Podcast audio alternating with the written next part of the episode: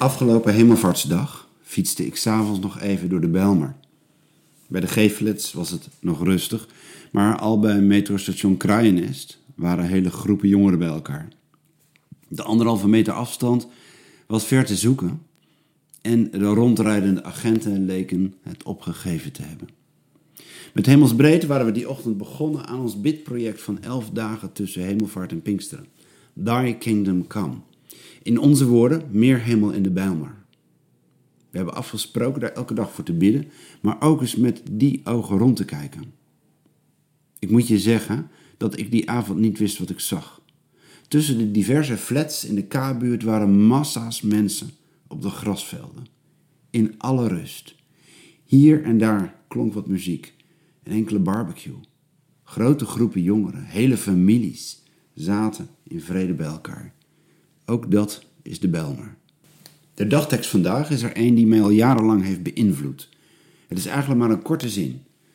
In Jeremia 29 lees je dit. Bid tot de Heer voor de stad waarheen ik jullie heb weggevoerd. En zet je in voor haar bloei, want de bloei van de stad is ook jullie bloei. Toen wij 17 jaar geleden naar Amsterdam verhuisden, gaf dat enige reuring bij bekenden. Intussen wonen we in de Belmar, Zuidoost, de plek waar ik zelf voor die tijd nog niet eens graag kwam. Deze woorden van Jeremia zijn al die tijd met me meegereisd. Ze klinken nu tussen de Belmer flats uit de 70 jaren en bij de nieuwbouwbuurten. De woorden winnen het van andere stemmen in mij. En ik vraag me af wat ze doen met jou. Houd van je stad, houd van je buurt. Zorg ervoor. Want als het met je buurt goed gaat, dan gaat het goed met jou. Dus alles voor de bloei van je buurt. Gaat dat niet wat ver, denk je dan? Maar bedenk dan even dat de oorspronkelijke woorden klonken tijdens de grote deportatie van de Joden in de tijd van Jeremia. Gedwongen ver van huis in Babylon. Een vijandige stad waar je niet voor gekozen had. Alles stond er haaks op jouw roots en overtuigingen. En Gods stem die dan klinkt, zoek de bloei van je stad. Want dat wordt ook jullie bloei. Het helpt me met andere ogen om me heen te kijken.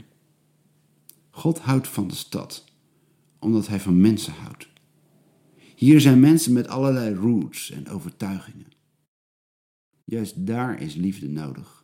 Liefde die alles overbrugt en anders maakt. Liefde die maar één ding wil: bloei van mensen en buurten. Kijk zo eens om je heen in je eigen buurt. En denk even aan die volgorde. Jouw bloei komt als jij geeft om de bloei van de ander, niet andersom. Meer hemel in jouw buurt brengt de hemel in jouw leven.